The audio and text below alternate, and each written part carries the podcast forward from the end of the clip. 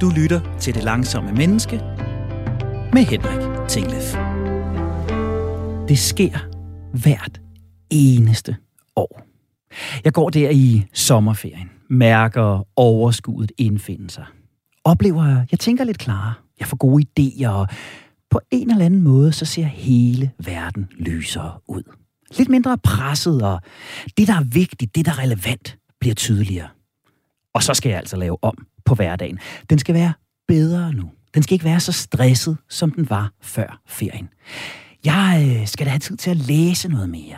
Jeg skal da tage mig tid til lige at sludre med kollegerne i tekøkkenet på kontoret. Og de der mails der, de behøver jo altså ikke at blive besvaret lige så hurtigt som før. Og øh, så skal jeg holde tidlig fri hver fredag. Det er da sådan, det skal være. Stemningen fra solstolen skal med ind i hverdagen. Friheden fra ferien skal fylde, når kalenderen kokser. Og i år, der er det endnu vigtigere. For jeg, og sikkert også dig, kære lytter, vender ikke bare tilbage fra sommerferie, men også fra halvandet år med corona. Nyvaccinerede og solbrune myldrer vi tilbage på pinden, fyldt både med en masse læring om fleksibelt arbejde og ny energi fra sommerlandet. Det må da kun lade sig gøre. Og så øh, klip til nu.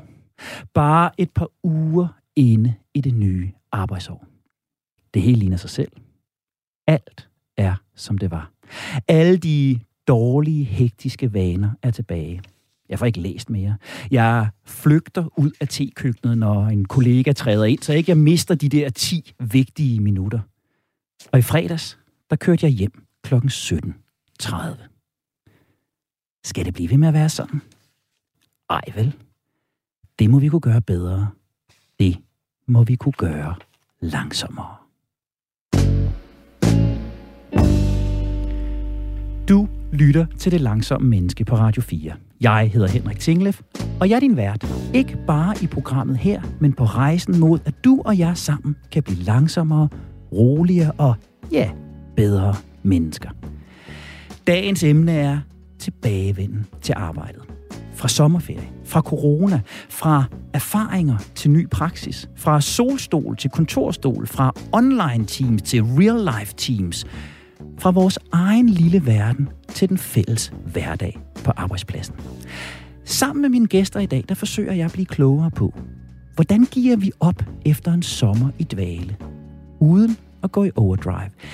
Kan vi tage nogle af alle de gode ferieambitioner med ind i hverdagen? Og hvordan? Hvad lærte vi egentlig af det fleksible hjemmearbejdsliv under corona? Og hvad stiller det langsomme menneske op med alt det? Se til at hjælpe mig med at besvare de spørgsmål, og sikkert også mange flere, der har jeg lige nu i studiet besøg af Ditte Darko. Velkommen til, Ditte. Tak skal du have, Henrik. Ditte, du er kant psyk, du er erhvervspsykolog, og du har speciale i psykisk arbejdsmiljø. Og det må man jo sige, at det som det her handler om. Og nu hørte du min introduktion, Ditte, og øhm, jeg er jo nysgerrig. Er det bare mig, der er en håbløs drømmer med uholdbare visioner? Eller er det her med at ville revolutionere sit arbejdsliv, når vi er nede i gear efter ferien, noget, som jeg deler med andre? Altså med andre ord, står jeg alene med det her? Eller er jeg, som vi mennesker gerne vil være, en del af flokken? Ja, men altså, jeg vil sige, Henrik, du står bestemt ikke alene. Øhm, det er helt sikkert en drøm, som du deler med mange andre danskere, og jeg vil sige både i og uden for sommerferien, så du kan øh, roligt puste ud. Øh, men jeg vil sige, jeg har jo lagt mærke til, at der i noget tid i vores øh, samfund, kan man sige, har været en bevægelse, eller den her trend øh, af spore, som handler rigtig meget om, at vi skal netop blive bedre til at tage vores tid tilbage og brænde det her hamsterhjul. Det, øh, det er helt sikkert noget, man, man har kunne se øh, sådan i samfundsdebatten også et, øh, et stykke tid. Og vi hører jo også historier om, jamen altså, folk, der investerer pludselig halvdelen af deres løn for at kunne gå på pension tidligere, øh, familier, der vælger at sælge det dyre hus for at kunne flytte ud på den her måske øh, en dejlig ø, for at kunne leve et langsommere liv. Øhm, og jeg så også her for nylig, at Gallup har lavet en undersøgelse, der viser, at mere end hver tiende dansker har faktisk foretaget sådan en større øh, livsændring i kølvandet på corona. Og alt det her beroliger mig jo, Ditte. Altså, jeg kan godt lide at ikke stå alene, være en del af flokken. Og du er jo lidt inde på det her. Men det er de meget store øh, linjer, du trækker frem og nærmest øh, investerer halvdelen af formuen i en lille ø og trækker sig helt tilbage. Hvis vi skal gå lidt mere lavpraktisk, lidt mere lavkonkret til det, hvad er det så, vi drømmer om? Er det de samme små ting som, som mig, eller, eller hvad er det, folk gerne vil, når, når vi vil ændre vores arbejde? Mm. Altså mange mennesker, de drømmer om at øh, leve et liv med tid til livet, så at sige. Og det kan selvfølgelig se ud på rigtig mange forskellige måder. Ja. Det kan jo både være det der med, jamen få tid til at læse den der gode bog, du har haft lyst til at læse så længe, Henrik. Det ved jeg jo.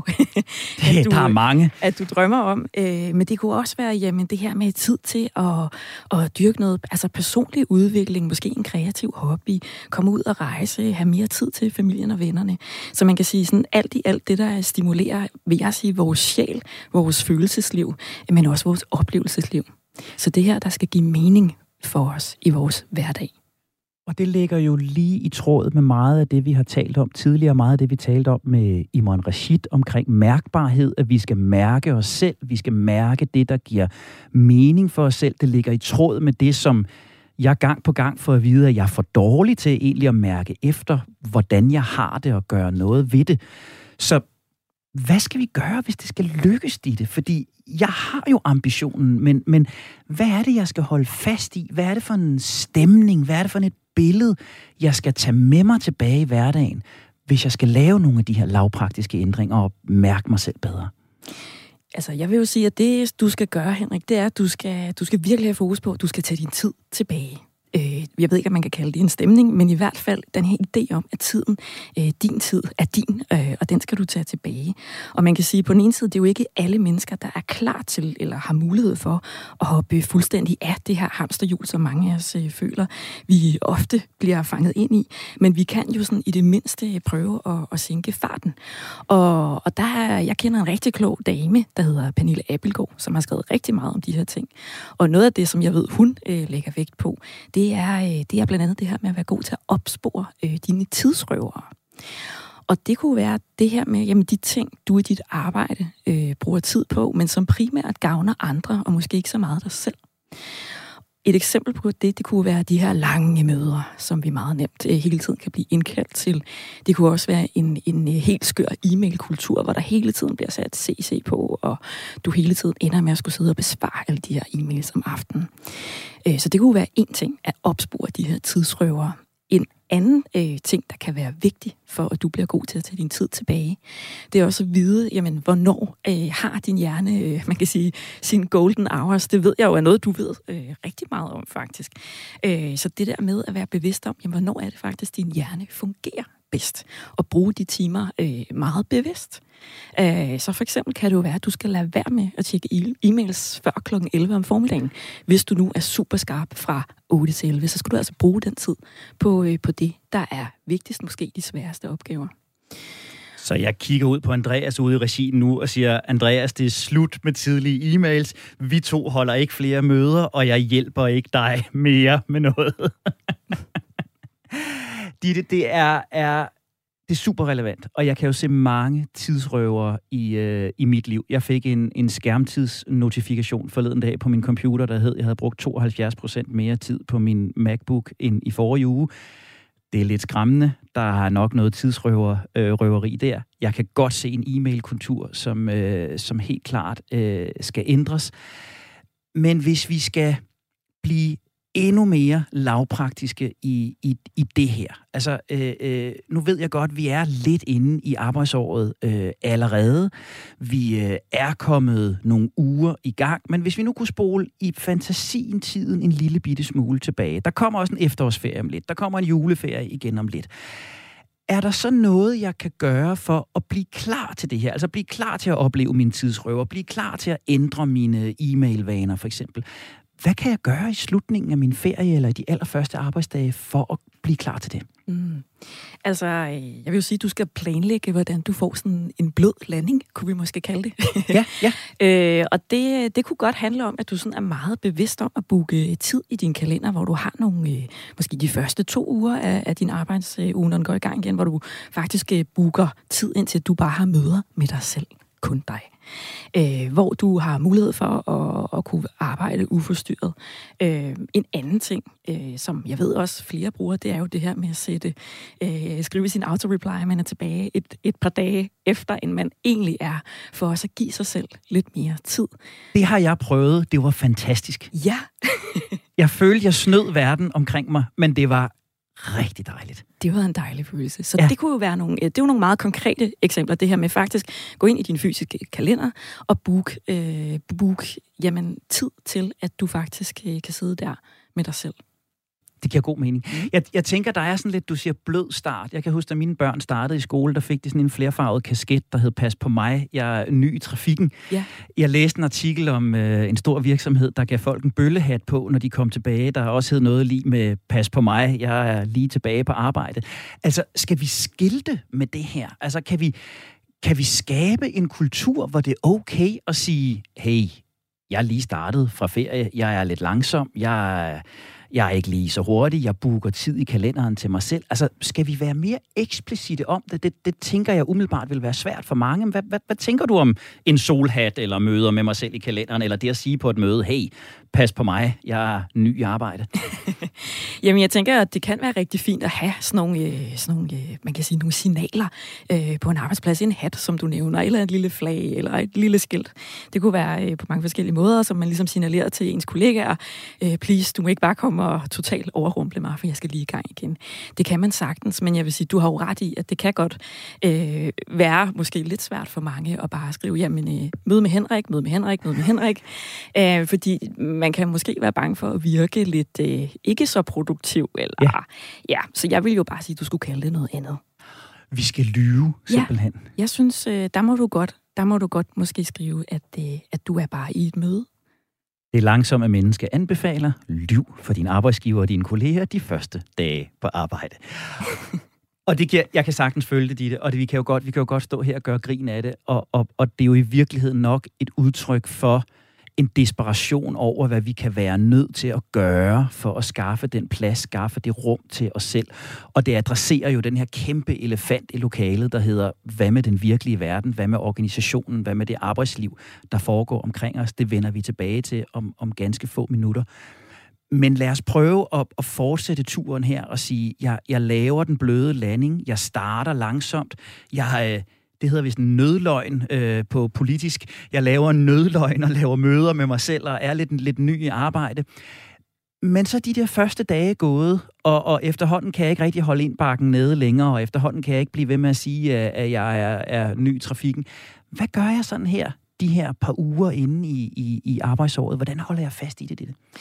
Jeg synes, at det er meget vigtigt, at du er bevidst om, hvorfor det er, at du gerne vil, øh, vil gøre det her. Jamen, hvad er det egentlig, du får ud af det? Fordi vi kan meget, meget hurtigt blive presset på forventninger fra chefen, fra andre kollegaer, øh, blive presset på grund af deadlines osv. Øh, så jeg synes, det er, det er ret væsentligt, at du bliver ved med at, at faktisk øh, booke de her, øh, den her tid med dig selv, hvor du kan netop være uforstyrret. Øh, men også meget vigtigt, at du, at du får defineret klart for dig selv, hvorfor er det, du gør det her. Øh, for det er svært at sige fra, når man bliver spurgt, jamen kan du ikke også lige tage med til det her møde, og så videre, og så videre. Øh, det kræver viljestyrke. Og hvis nu du er psykolog, Ditte, så nu redder jeg mig nogle gratis gode råd her, fordi hvis jeg og de mennesker, der har det ligesom jeg, vi er jo blevet enige om, at jeg ikke er alene om det her, hvis vi skal definere, hvorfor vi gør det, hvordan gør vi det? Hvordan kunne du hjælpe mig lige nu med at definere for mig selv, hvorfor er det, jeg skal smålyve lidt for min chef? Hvorfor er det, jeg skal melde klart ud? Hvorfor er det, jeg skal blive ved med at holde fast? Hvordan hjælper jeg mig selv til at finde frem til den gode grund? Mm. Jamen, øh, jeg vil sige også, jamen, der er også noget vigtigt i at og tror jeg også være bevidst om, når det er, at du er meget på vej ind i det her hamsterhjul. Lad sådan erkende, at nu er du faktisk øh, havnet der igen, måske også, hvor du egentlig ikke rigtig havde lyst til at være. Og måske der også er noget vigtigt i at at begynde at tale med andre om det. Altså sige til din chef eller til dine kollegaer, at der er måske noget, der skal, der skal ændres, fordi på den ene side, så kan man jo sige, at den her personlige effektivitet, som vi jo alle sammen hver især kan arbejde helt vildt meget på at forbedre, øh, det er selvfølgelig vigtigt, men der er ingen tvivl om, at hvis vi på en arbejdsplads kan skabe en form for kollektiv effektivitet, så kan det tage os meget længere. Ja, og det vil sige, det der i virkeligheden er argumentet for mig, er, at jeg ved i virkeligheden at sætte tempoet ned, ved i virkeligheden at tage de her rum til refleksion, til den langsomme start, så er det ikke bare et spørgsmål om wellness for, for mit bedste, det er et spørgsmål om min effektivitet, min produktivitet, og på, der måde, på den måde også arbejdspladsens, teamets, hele organisationens effektivitet. Det er en investering. Lige præcis. Det er en investering for alle parter. Og det tror jeg er et vigtigt argument at holde fast i, både for mig og for alle jer derude, der, der helt sikkert kender parametret med at skulle i gang efter en ferie, især efter en coronapause. Vi gør det ikke for wellness, vi gør det med effektivitet og produktivitet for øje. Og alt det her, Ditte, det giver jo det giver super god mening. Jeg, jeg er helt med, og, og, og øh, jeg kan godt se, der er ting, jeg skulle have gjort anderledes øh, allerede. Men nu står jeg her jo. Jeg står her for de fleste mennesker to-tre uger inde i arbejdsåret, og det er allerede gået galt. Altså helt fysisk. Jeg flygtede ud af et tekøkken i går. Et sødt, sødt menneske kommer hen og siger til mig på klingende nordjysk, Nå Henrik, nu er det tid til kaffe, var. Og jeg siger ja, og skynder mig afsted, for jeg tænker, jeg kunne simpelthen ikke overskue at hænge ud 10 minutter ved, ved den der kaffemaskine der. Og det er ikke løgn, når jeg i introen siger, i fredags kørte jeg hjem kl. 17.30. Hvad gør jeg for at redde det nu, Ditte? Jeg er allerede på vej ned ad den forkerte sliske hjælp mig, kast mig en redningskrans. Hvad gør jeg? Når nu ikke jeg har gjort alt det, jeg skulle gøre, hvad gør jeg så nu? jeg vil jo, jeg vil jo råde dig til, Henrik, at begynde øh, at prøve at få skabt dig et overblik over, hvad er det egentlig, der ligger øh, af opgaver lige nu. Det lyder jo super kedeligt, vi ved det godt, men det der med at få øh, et overblik øh, over dine opgaver, og begynde egentlig at planlægge, hvordan er det, du kan tage en opgave ad gangen, det tror jeg, jeg vil være vigtigt for, øh, at du kan måske få frigivet noget af det der overskud, du også gerne vil have, øh, til at møde øh, den søde person ude i tekøkkenet osv. Fordi hvis vi, hvis vi hele tiden er overvældet af vores egne tanker om det, vi skal nå, det vi er bange for, at vi ikke kommer til at nå, jamen så er det klart, at så er vores bevidsthed et helt andet sted, og så har vi ikke det der overskud. Så jeg vil jo sige, jamen du skal få skabt dig et overblik, du skal øh, holde op med at multitaske. Jeg skal begynde at tage øh, i dine arbejdsopgaver en opgave ad gangen. Men det betyder også nogle gange, at der er noget, du skal udlicitere til andre. Og det kunne også være helt konkret hjemme hos en selv. Jamen, øh, få en rengøringsdame til at komme, hvis du nu øh, ikke synes, at det der med at gøre rent er super fedt, sådan at du bruger din energi og din tid på de opgaver, du faktisk er bedst til. Det kan også være... Det er ikke at gøre rent, kan jeg afsløre. Øh, det kunne være et eksempel. Øh, og også måske begynde at være lidt mere øh, struktureret omkring det der med mailbox. Hvor mange gange om dagen tjekker du den? Så prøv at sige, jamen nu vil jeg tvinge mig selv til at sige, nu tjekker jeg den kun tre gange om dagen, formiddag, middag, aften, i stedet for 20 gange om dagen. Øh, og, øh, og være meget, meget striks omkring, øh, prøv at lade være med at tjekke de der mails om aftenen. Fordi så får din hjerne jo netop ikke den øh, pause og den restitution, som den har brug for, for måske at kunne løse en opgave dagen efter, der er svær. Øhm, og der, øh, der ved jeg, der er også meget, der tyder på, at jamen, hvis du giver dig selv den der pause om aftenen, så vil du måske langt hurtigere kunne løse den der svære opgave, der ligger til dig dagen efter. Øhm, så også ligesom prøve at sige, jamen, øh, dagen inden du skal lidt eller andet, prøve at planlægge, hvordan tror jeg, i morgen kommer til at se ud. Så det, der er dit gode råd til mig, og det bimler og bamler, fordi det, det er meget godt ramt, fordi det, der er sket for mig i løbet af, af de her par uger, er jo, at jeg begynder at flygte fra min kalender. Jeg kan godt se, at den hænger ikke rigtig sammen. Øh, så går jeg og fantaserer om den hele tiden. Ah, Om det fikser jeg lige der. Om jeg har også noget luft på tirsdag, og det lægger jeg lige ind på onsdag. Men jeg har faktisk ikke sat mig ned og kigget på den. Hvis du kigger på min kalender for de næste dage, så ser den rimelig åben ud, men det er den ære med ikke i praksis. Men jeg har ikke fået kalender sat noget af det. Jeg har ikke fået, fået lagt det ind i blokke, for jeg har allerede givet lidt op. Så jeg skal tage tyren ved hornene. Jeg skal hjem og kigge på min kalender og have lagt nogle blokke ind og have prioriteret. Og så skal jeg have byttet Andreas' og mine møder ud, så Andreas i stedet for kommer og er rengøringshjælp hjemme hos mig. Tusind tak, Ditte, for den. Din radio står lige nu på Radio 4. Programmet er Det Langsomme Menneske. Jeg er som altid Henrik Tinglef, og sammen med erhvervspsykolog Ditte Dargo er jeg lige blevet klogere på, hvordan både du og jeg vender langsomt og sikkert tilbage på arbejdet efter sommerferien. Men Denne her sommer, den er særlig, fordi vi vender ikke bare tilbage fra ferie, helt almindelig sommerferie. Vi vender tilbage fra halvandet år i varierende coronanedluk med dertil hørende hjemmearbejde af varierende karakter. Og til at hjælpe dig og mig med at blive klogere på det aspekt, så kan jeg nu byde velkommen til et menneske, som jeg både har e-mailet til kl. 21 om aftenen og kl. 7 om morgenen, nemlig Christine Ibsen. Velkommen til, Christine. Tak skal du have, Henrik. Christine, du er lektor ved DTU Management, og din forskning den er super interessant, fordi den handler om, hvordan man leder og organiserer arbejdet, så det er muligt at sikre både trivsel og effektivitet. Og det er jo lige præcis det, som vi langsomme mennesker er interesseret i. Hvordan kan vi have det rart, mens vi også udretter noget? Og så er det ekstra interessant, fordi i forbindelse med covid-19 her, der har du været leder af et stort internationalt forskningsprojekt, der har kigget på erfaringerne netop med at arbejde hjemmefra. Og jeg tænker, uden at vi nu skal adressere det her med din og min e-mail-kultur, fordi den kunne vi ved Gud godt kigge på, tror jeg, øh, så lad os springe direkte ud i det. Hvad er hovedkonklusionerne, Christine? Hvad er det, vi har lært fra jeres store internationale hjemmearbejdsundersøgelse? Der er jo masser at sige omkring øh, de erfaringer, vi har gjort os på tværs af de lande, som har været med i undersøgelsen. Og det er rigtigt. Vi, øh, vi gik jo hjem, ligesom alle andre, den 11. marts, og få dage efter blev vi enige om, at det her, det skulle vi kigge på. Og når i løbet af en uges tid at få sendt en undersøgelse ud til vores internationale netværk omkring, kan I hjælpe os med at samle data ind for de her forskellige lande? Fedt. Ja. Så den 20. marts, der havde vi faktisk vores første survey ud, og så gik det bare helt utroligt hurtigt, og vi fik en masse informationer ind. Så det, vi især kan sige noget om i den her undersøgelse, det er jo sådan den første bølge, kan man sige, fra sidste år. Ja. Siden der har vi lavet nogle andre undersøgelser. Men lige præcis omkring denne her, hvis vi zoomer lidt ud, så det vi kan se i den første periode, det er, at hovedparten af dem, der er hjemsendt på tværs af Europa, de egentlig oplever det som en positiv ting at blive hjemsendt. Så hvor man måske skulle tro, at man blev bekymret, og det handlede om at, at kan man sige, undgå smitte, så handler det egentlig om, at man, man øh, kan man sige, får gavn af de fordele, der er ved at arbejde hjemmefra. Og det er det, vi ser sådan i den første periode. Altså nu snakker vi i foråret sidste år. Men vi kan også se, når vi så kigger ind i de data omkring, hvad er det så, der, øh, hvad er det folk, de oplever, hvad er fordelene ved at være hjemme, ja. og hvad er ulemperne.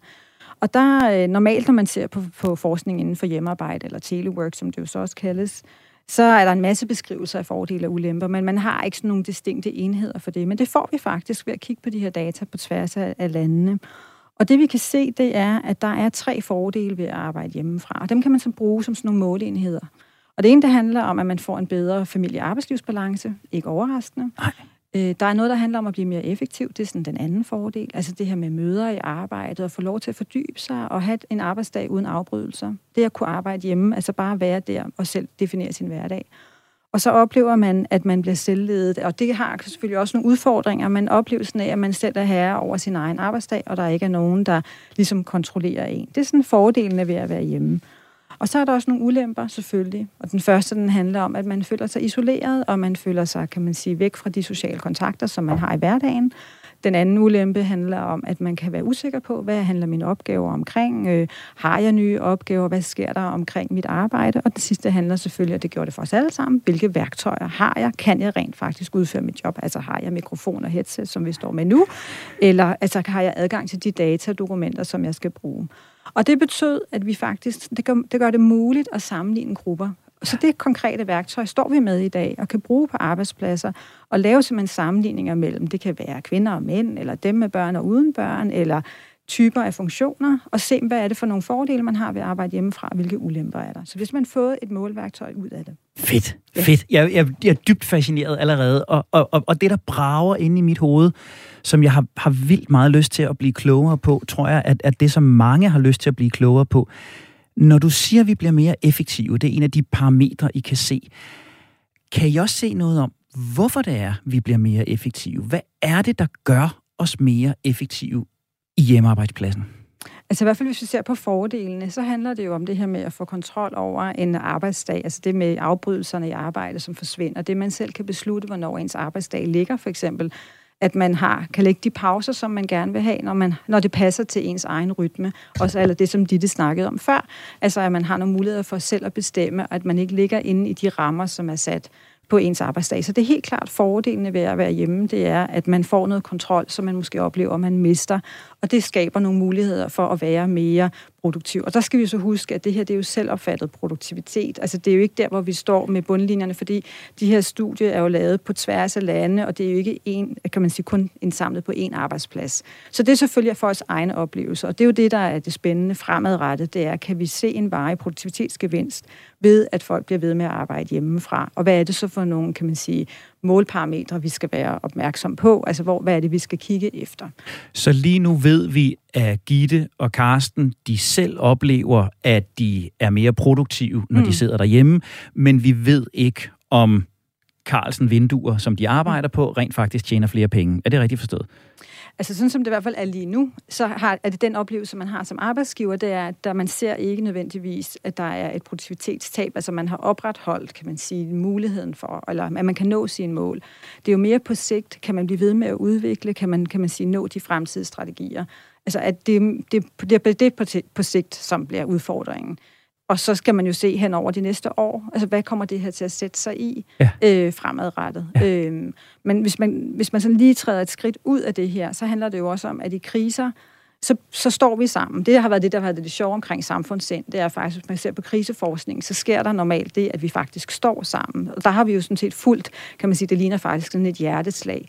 Og der følger vi jo den, og har jo det der samfundssind, og yes, we can, hen over foråret og sommeren sidste år. Så man skal også lige huske på, at når vi sådan trækker covid-19 ud af ligningen, står vi så egentlig tilbage med en reel produktivitetsgevinst? Eller var det fordi, at vi lige smed de der ekstra timer ind i det, og vi lige havde, kan man sige, det der ekstra gear, fordi nu skulle vi ligesom vinde over den her pandemi? Ja.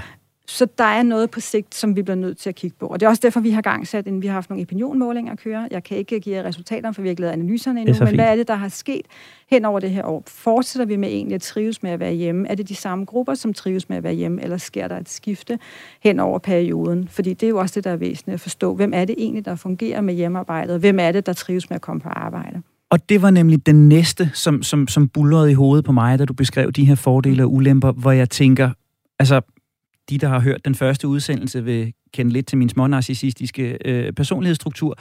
Og jeg har jo langt hen ad vejen brug for et publikum, et, en gruppe mennesker at være sammen med. Øh, øh, og jeg, jeg kan godt se, at jeg måske time for time får lavet mere, får skrevet flere sider i timen, hvis jeg skal se det sådan på mit arbejde men jeg har en helt anden følelse, en helt anden fornemmelse, fordi jeg kan ikke lige snakke med nogen om det, jeg kan ikke lige dele, med, dele det med nogen, og jeg mangler det der øh, interaktion der. Kan vi se noget om, altså, hvem er det, der føler sig effektive, og hvem er det, der føler sig ineffektive? Kan vi se noget om det i jeres data? Ja, altså der er to spændende ting i det her. Den ene, det handler om, hvem er det? Altså, hvem var det egentlig, der var mere produktiv i den her periode? For det har vi jo også været optaget af. Hvem var det, der meldte ud, at de var mere produktive og kunne gøre det på kortere eller længere tid? Altså, hvem var det, der nåede mere? Ja. Og der er i hvert fald de sådan umiddelbare ting, som vi sådan, de første analyser, vi har lavet på vores opiniondata, der handler det om, at det er kvinder med høj angstinitet, som faktisk trives bedre med at arbejde hjemmefra. Det er sådan på sigt, men vi, fordi vi ikke har alle datapunkterne analyseret endnu, så kan man ikke gå ud og sige, at det er sådan, det er. Men det ser ud som om, at der er noget omkring det, der handler om angstinitet. Altså, jeg kan godt få det til at fungere på hjemmearbejdspladsen, så jeg har måske ikke det store behov for at komme ind. Så hvorfor er det, jeg skal det? Det fungerer egentlig meget godt for mig. Og der, der ser det ud som om, at der er noget omkring til erfaring og noget omkring køn, som ligesom, at der er en balance der, at man siger, at det vil man egentlig gerne.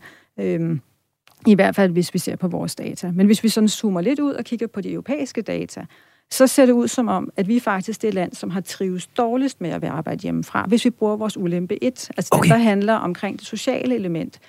Og hvis man ser på, hvorfor er det egentlig, danskere går på arbejde, så er det jo langt på vej på grund af de gode kolleger. Altså det handler om det sociale element i arbejdet. Og det vi så hører nu her, som du også selv siger, det er, at det kan også være stressende, at komme tilbage og være i det der, den sociale puls, fordi man kunne egentlig også godt lide fordelen ved at være hjemme, hvor man ikke blev afbrudt, og man havde brug for fordybelse. Og det er noget af det, som vi har snakket om, det er, hvordan skal, kan man sige, hvordan skal formlen se ud fremadrettet? Skal det være en 4 plus 1, en 3 plus 2, som er det, som der kører lige nu? Eller skal man måske tænke i et helt andet mode, hvor det handler måske om rotation?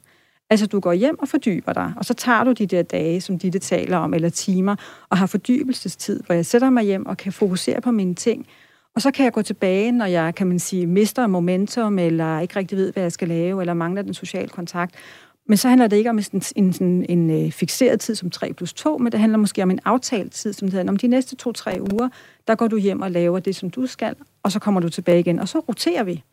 Så du hele tiden har et fællesskab på arbejdspladsen, som folk virker i og fungerer i, og så er der nogen, der er hjemme og kan komme tilbage igen. Og så bliver det den puls, i stedet for at det handler om, at vi alle sammen skal dele som de her 4 plus 1 eller 3 plus 2, som vi diskuterer lige i øjeblikket. Gud, hvor lyder det skønt. Det, det lyder som noget, der taler lige ind i det, det langsomme menneskes mission, det der. Og jeg tænker jo, som du selv siger, ja, hedder det 4 plus 1, eller 3 plus 2, eller hvad pokker det nu hedder, og er det rotation, eller er det ikke rotation? Det er jo, altså, det er jo en helt ny virkelighed, vi skal ud i øh, her. Det er en helt anden måde, vi skal til at opfatte vores, vores arbejdsliv på. Og da vi to talte sammen forleden dag, der brugte du et udtryk, der hed det store jeg, det lille vi. Og, og vi har jo lige med Ditte talt rigtig meget om mig, mig, mig. Hvad kan jeg gøre? Hvad kan jeg gøre med min e-mail? Vi har sågar talt om, at jeg skal smålyve lidt for mine kolleger og min chef. Men no man is an island. Jeg, mm. jeg er ikke bare mig selv. Jeg er en del af noget større. Hvad ligger der i det her, det, det store jeg, det lille vi, for dig med baggrund i jeres data? Prøv at fortælle lytterne og jeg lidt om det. Jamen, det kommer egentlig ud af, at øh, den diskussion, der jo kommer, som ifølge, altså i løbet af covid øh, og vores øh, hjemmesendelser, der kommer det meget til at handle om jeget. Altså det er vigtigt for mig, det giver mig noget at være hjemme, og jeg bliver mere produktiv, eller jeg trives, så jeg kan få det til at fungere med min familie. Det er sådan de jeg-fortællinger, der kommer. Det er vigtigt for den enkelte, at vi tager et medarbejderperspektiv. Det er vigtigt, at vi gør noget for medarbejderne, fordi det her, det vil de gerne. Og det er jo jeget, der taler. Øh, men når vi går på arbejde, så har vi jo også et, kan man sige, et arbejdsgiveransvar eller en arbejdspladsansvar, hvor der er, hvor der er et vi. Altså, ja. hvor der er nye kolleger, som kommer til, både nyuddannede, men det kan også være folk, der skifter job, som har brug for kolleger, og vi har mulighed for at spare. Vi udvikler ting sammen. Det er jo ikke alt, vi har nedfældet, så vi har også brug for at lære af hinanden og se, hvordan er det, vi gør her. Og der er det jo et vi. Og der er jo spørgsmålet, hvad sker der med det vi, når vi hele, hele tiden taler jeget frem? Altså, jeg vil gerne, og det skal passes med mig, vi skal lave fleksible ordninger, der passer til den enkelte. Men hvad sker der så med fællesskabet? Og det er der, hvor jeg har det sådan lidt, altså, når vi går på arbejde, så er 1 plus 1 lige med 3. Altså, vi kan mere sammen end hver for sig. Og det er der, hvor det bliver spændende, den her diskussion omkring jeget og videt. Jamen, hvorfor er det, vi går på arbejde? Det gør vi ikke kun for os selv, det gør vi også for et fællesskab. Og den diskussion, synes jeg er vigtig at få taget og få bragt frem, at der er faktisk noget, vi kan, når vi står sammen, og vi arbejder sammen. Og derfor vil jeg jo gerne vende det om at sige, at der er det store vi, og det lille jeg. Ja. At det er den diskussion, vi skal have, og ikke kun, hvordan er det behovene, som nu skal tilpasses mig. Og jeg er helt med på, at hamsterhjulet er en udfordring. Men jeg synes heller ikke, det er opgaven for en selv at definere farten på hamsterhjulet. Det er arbejdsgiver og arbejdspladsansvar, og der er det videt, altså hvordan vil vi gerne have det på vores arbejdsplads, og få det diskuteret og så tage den diskussion omkring, hvor hurtigt skal det hamsterhjul så køre, og så bliver det en vi, og så bliver det et mindre jeg. Ja, og så tænker jeg jo, i det øjeblik, det bliver et vi, så bliver det jo også et, et, et ledervedrørende. Hmm. Altså, så, så bliver der et lederaspekt på det. Og så er der jo to spørgsmål, som, som, som brænder sig på. Ikke? Den ene, den hedder, vi har talt rigtig meget om netop, du siger det også selv, hvad gør hjemmearbejde, hvad gør fleksibilitet for medarbejderen? Mm. Og, og, og vi står her og betragter mange af lytterne som menige medarbejdere, men der er helt sikkert også mange ledere blandt medarbejderne. Så to spørgsmål, der brænder i hovedet på mig, er jo, hvad synes lederne om hjemmearbejde? Hvordan har lederne det med hjemmearbejde? Og hvis vi skal implementere det her, hvad stiller det så af krav til ledelsen? Ja, det er jo en spændende, spændende snak. Ja, og det er jo Og du har cirka to og et halvt minut ja, til men det vil jeg sige. Altså, udgangspunktet er i hvert fald, når vi ser på vores data, det er, at lederne har haft det vanskeligere ved at arbejde hjemmefra, end medarbejderne har haft det. De har sådan set de samme fordele, men de har arbejdet flere timer. Det har været en hårdere periode for ledere at få det her til at fungere, end det har været for medarbejdere. Så selvom at der er et ønske om fremadrettet, at man gerne vil det her, så er der, kan man sige, en stor gruppe, som man skal være opmærksom på. Hvordan er det egentlig, det vil være? Hvordan vil deres arbejdsbetingelser blive fremadrettet? Fordi der er blevet smidt flere timer ind for at få det her til at virke i praksis. Og også nu her, når vi skal tilbage igen. Og der lavede vi en undersøgelse her i en sommerferien sammen med ledernes hovedorganisation, hvor vi jo blandt andet kunne se, at det var, jeg tror det var omkring 67 procent af lederne, som rent faktisk hellere vil være ledere på kontoret, end de vil være det hjemmefra. Så vi står også med nogle dilemmaer omkring, igen det her jeg og vi, eller hvad er det for nogle grupperinger, som, altså grupper, som vi taler om, at der er måske nogle forskellige præferencer, at man som leder har at man som leder har videt, altså hvordan er det, vi sådan i fælles, hvordan skal vi nå vores mål her, og, og jeg har måske mere det her, altså sig selv, og, øh, og ser måske ikke videt helt så tydeligt. Så der er nogle udfordringer i at få den her kabale til at gå op som, øh, som leder. Og så spørger du til, hvad skal vi så gøre fremadrettet? Det kunne jeg meget vel finde Ja. på, ja. Jamen, jeg synes jo, det er en spændende diskussion omkring det her, fordi lige nu så er det forsøger for at virksomheder jo at lave forskellige, kan man sige, muligheder eller formler og planlægger det her på forskellige vis. Og der er ikke rigtig nogen, kan man sige, givende modeller for, hvad der virker bedst. Så man er sådan lidt ude og prøve sig af med det her. Øhm, og der øh, er der jo nogen, der er langt, og nogen er, er, kan man sige, kun lige i gang. Og det første i hvert fald, det er at få, synes, altså som, som vi ser det, det er, er det at arbejde hjemmefra et mål, eller er det et middel? Yes. Og, og der vil jeg jo sige, altså, at nu er vi- jeg jo selvfølgelig også ingeniør, men det, er, det handler jo om, at der er en virksomhed, den skal også være der i morgen. Så hvordan når vi de mål, vi har sat os bedst muligt? Det kan være kundeservice, eller det kan være borgerservice, eller det kan være kvalitet i ydelser, eller hvad det nu er, men vi har jo nogle ting, vi skal nå. Så hvordan når vi dem bedst, og hvordan virker hjemmearbejde i den sammenhæng? Altså, hvordan får vi bedst nået de mål? Kan vi bruge måden at arbejde på på en anden måde, så vi når de her mål nu- hurtigere og nemmere? Så det at arbejde hjemmefra er ikke et mål i sig selv, men et middel til de overordnede, kan man sige, arbejdspladsens overordnede mål. Så det er i hvert fald det første, man skal tage sig for øje, det er, hvad er det, vi vil med det? Altså, er det bare noget, vi gerne vil have, eller hvad er det, vi kan bruge det til? Hvad er det for en værdi, det skal skabe? Og det næste, det bliver jo så at finde ud af, hvordan. Og så er det jo det her med, at det er sådan et sign-up, altså skal vi sådan melde ind og sige, jamen vi- jeg vil gerne komme mandag til onsdag, så bliver det sådan et schema. Det er der jo nogen, der bruger, altså hvad er det for nogle præferencer, man har? Eller handler det mere om den rotation, som jeg nævnte før, hvor man, hvor man bytter plads afhængig af, hvor er det, man er. Men det kræver, at vi bliver tydelige på, hvad det er for nogle kriterier, der skal til, for at vi kan få lov til at være hjemme, eller kan lov, få lov til at komme ind. Der er jo nogle opgaver, som jo ikke kan løses hjemme, for eksempel ja. passet vil jeg jo gerne have løst på kommunen, for eksempel. Ikke? Ja. Øhm, og der, så der er nogle kriterier, som vi skal have frem. Hvad er det egentlig, der gør? Er det dem med børn eller uden børn, eller dem med lang arbejde, afstand til arbejdet? Alt det her. Og der er vi jo måske ikke helt så langt fremme i Danmark, men det er man jo så i udlandet, hvor man jo har nogle modeller for, hvor man kan lægge alle variable ind, og så får man, kan man sige, et svar på, hvem, hvem, er, hvem kan komme ind mandag, tirsdag, onsdag, og hvem kommer ind torsdag, fredag. Og jeg tænker jo i hvert fald, hvis vi skal skære ind til benet på det, du siger, så tænker jeg, at det, er, det mange af os skal tage med ud i den nye arbejdssæson, er jo virkelig det, du kondenserer i spørgsmålet, som er hjemmearbejde et nyt mål, eller er det et middel til organisationens, fællesskabets egentlige mål, hvor vi måske godt lidt nu, i hvert fald os, der sådan står som menige medarbejdere, kan have den her idé om, det er et mål, det skal vi have mere af, for det har bare været rigtig rart for mig.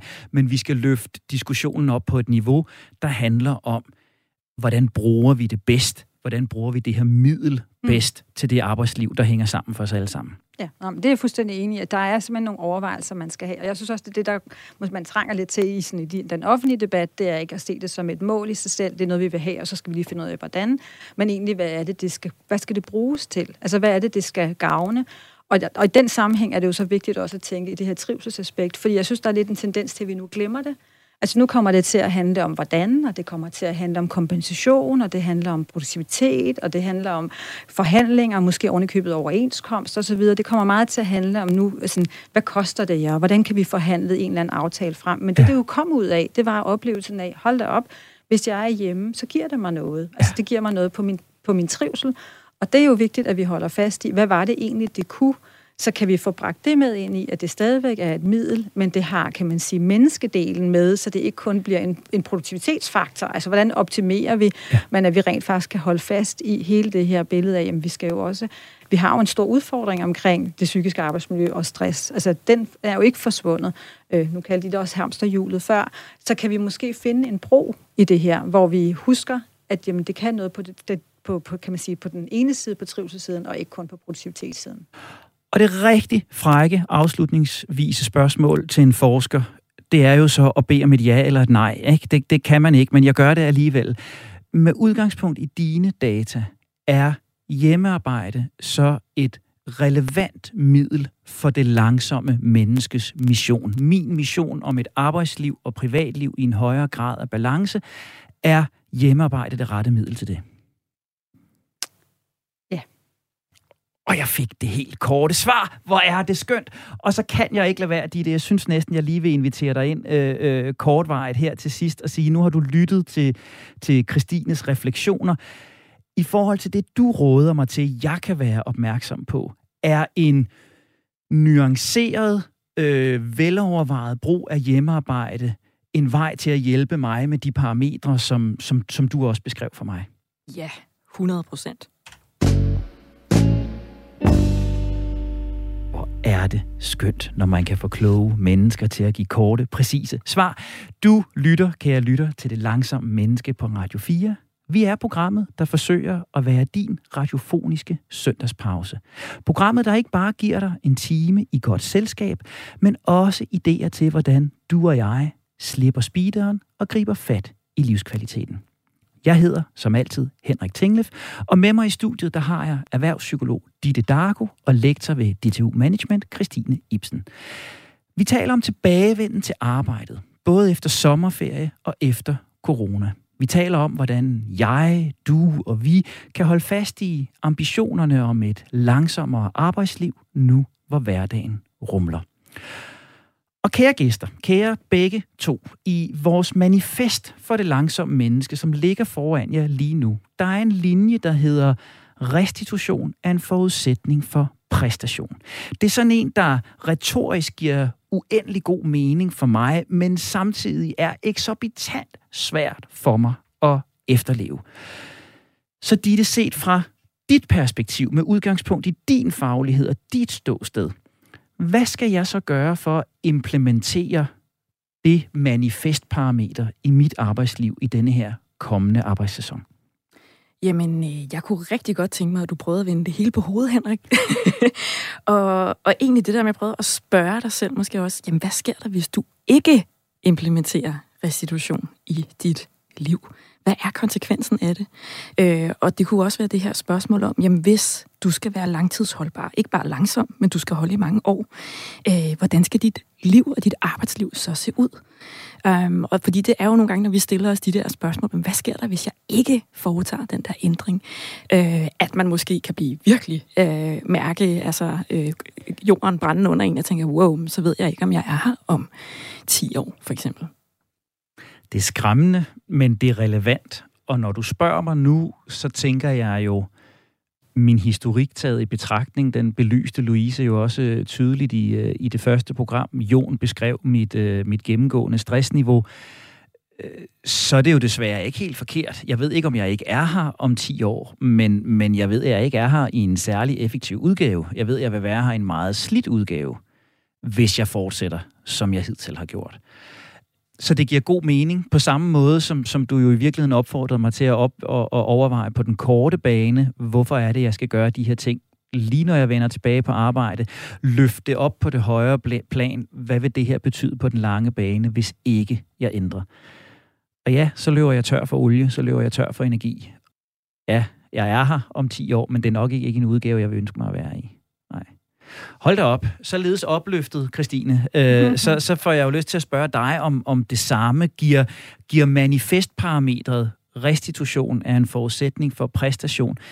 Giver det mening ind i jeres data, ind i din forskning? Og, og hvordan tænker du, vi kan bruge hjemmearbejde i, i den kontekst?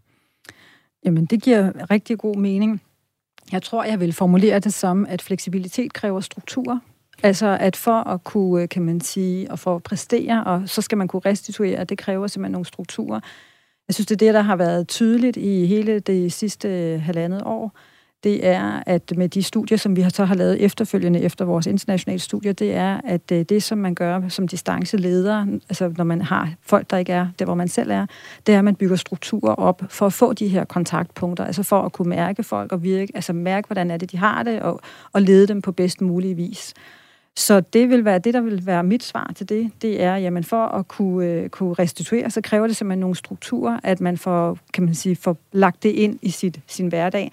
Men jeg kunne jo rigtig godt tænke mig at flytte fokus væk fra, kan man sige, fra dig, ja. op over på dine arbejdsgiver, ja. øh, at få talt om, men at der er jo en tendens til, når vi taler om psykisk arbejdsmiljø, at det bliver det her blame game. Vi taler jo også om det, der hedder blaming the victim. Altså, vi gør det, og vi gør det selv. Det er min egen skyld, jeg skal blive bedre til, og så bliver det sådan den her jeg diskussion, hvordan kan jeg gøre noget anderledes, men vi kan jo også vende det om og sige, hvad er det for nogle rammebetingelser, vi har, når vi går på arbejde. Altså det er jo det, der, når vi taler om ledelse og organisering af arbejde, det er jo det, der er vores fokus, der kan vi designe arbejde på en måde, så vi ikke brænder folk ud, fordi vi er jo interesserede i, at vi kan holde længe, og at vi også kan præstere, mens vi er på arbejde. Så det med at få lagt nogle strukturer ind, også når vi arbejder hjemmefra, som gør, at, øh, at vi kan få den dyb, fordybelse eller tid, der er brug for, for at kunne lave det, som vi også bliver drevet af, og synes er spændende, og samtidig også kunne, kan man sige, performe, hvis der skal kræves sådan lidt ekstra.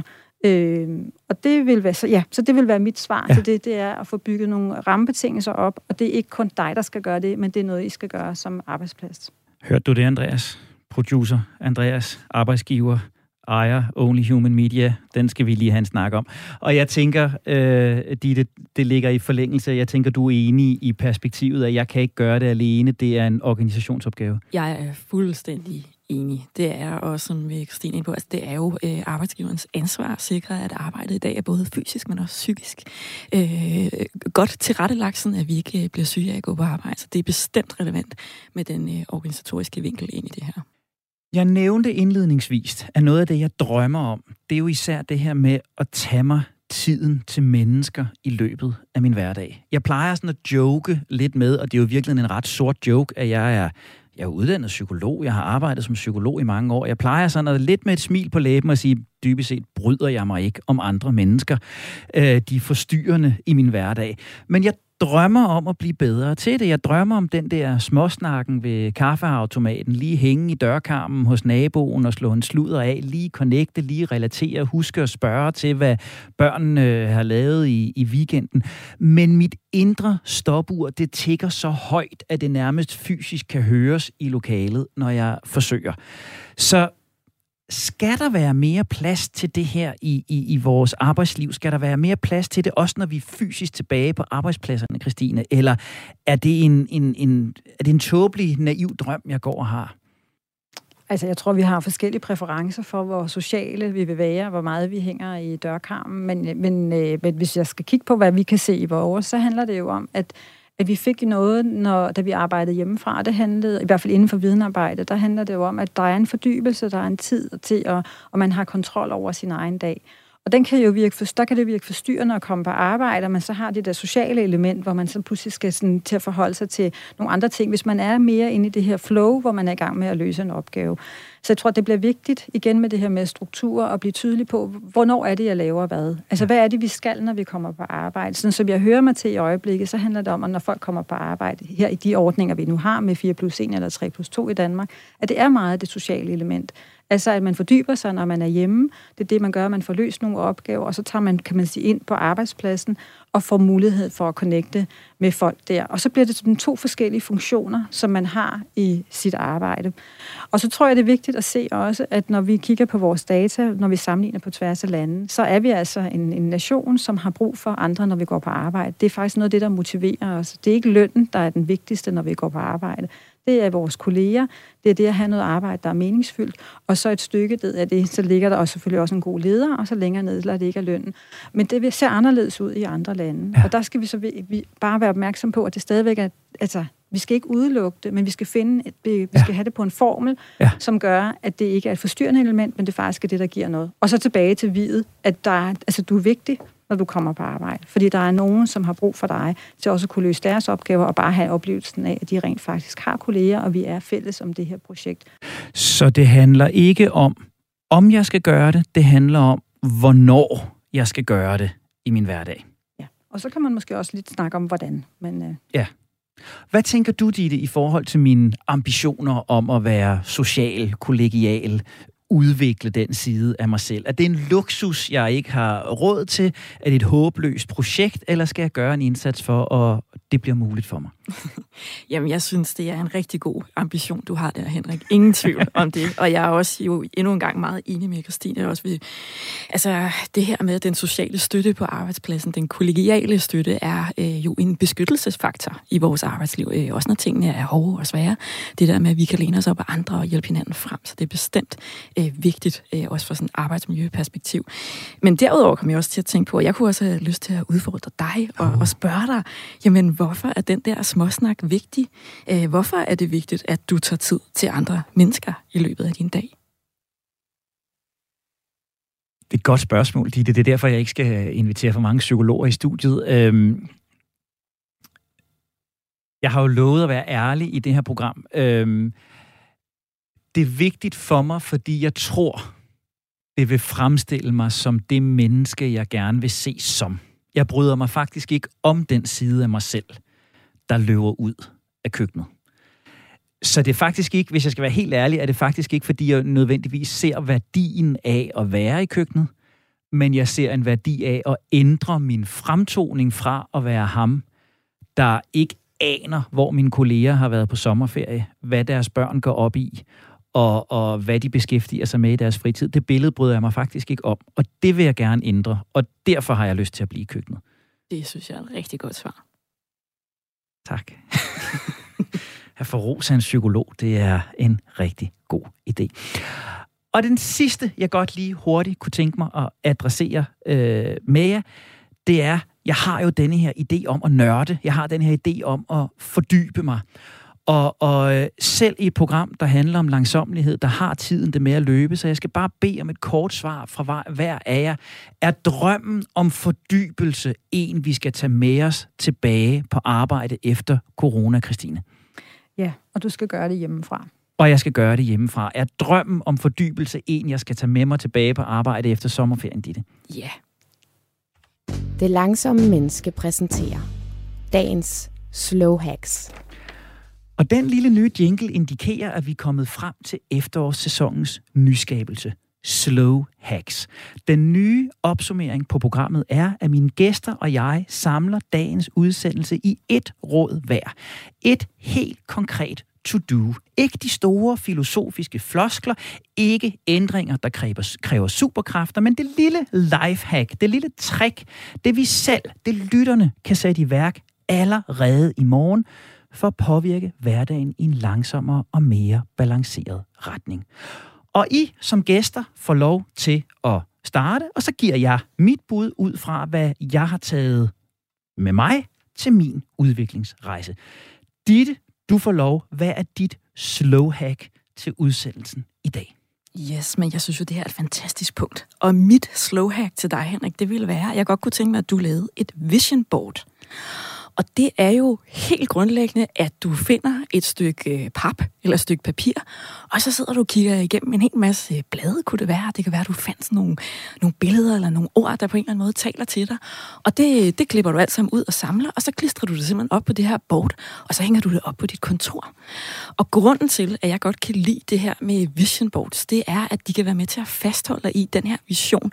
Altså den her, det her, hvorfor er det, du skal være ham, der, der taler med de andre i tekøkkenet, øh, ham, der læser bogen og alle de her ting. Så det, som sådan et vision board kan, det er, at det kan fastholde dig i din vision, men det kan også være med til at give dig den der følelse af, det er jo faktisk det her, jeg rigtig gerne vil have mere af. Jeg laver et slow vision board. Christine, hvad er dit slow hack til mig? Ja, men jeg synes, jeg bliver lidt udfordret på det slow hack. Øh, men jeg tror egentlig, at jeg ville anbefale dig eller lytterne at overveje, hvad er det, hvad er formålet med øget brug af hjemmearbejde? Ja. Altså, hvad er det for egen skyld? Er det for arbejdspladsen? Hvad er det, der egentlig er værdien i det? Og bruge det i en, en, en anledning til at diskutere det med kolleger og ledere. Og det er ikke, fordi jeg skal omformulere på dine vegne, men det er det der grundspørgsmål. Er det målet, eller er det midlet? Er hjemmearbejde et mål for mig, eller er det et middel for ja, mig? det er korrekt. Og jeg er så banalt et menneske, at det, der har brændt sig fast i min hjerne for i dag, det jeg tror, der vil give mig en effekt på den korte bane, det hedder, tjek din e-mail senere, Henrik, og tjek den sjældnere. Det vil give mig en højere grad af fokus, det vil give mig mere tid. Jeg kommer til at dele alle tre slow hacks på alle mine sociale medier. Det gør jeg under hashtag slowhack og under hashtag det langsomme menneske. Du kan gøre det samme, kære lytter. Del det slowhack, som giver mening for dig, eller det slowhack, som du udleder af dagens udsendelse. Og så indhenter virkeligheden os selv i programmet, der forsøger det modsatte, der går tiden stærkt. Det er tid til at sige pænt tak til mine gæster. Tak til Ditte Dargo, erhvervspsykolog med speciale psykologisk arbejdsmiljø. Tak fordi jeg måtte komme. Og tak til dig, Christine Ibsen, lektor ved DTU Management. Tak, det var spændende at være med. Og det blev ordene herfra for i dag. Husk, at du altid kan hente det langsomme menneske på podcast, lige der, hvor du henter alle dine andre podcasts, og så finder du os selvfølgelig i Radio 4-appen. Har du input, kommentarer eller interessante vinkler på langsomlighed, som vi skal kigge nærmere på, så kan du skrive direkte til redaktionen på langsom radio4.dk. Programmet her det er produceret af Only Human Media. Jeg hedder Henrik Tinglef, og jeg fortsætter med at arbejde på at blive det langsomme menneske.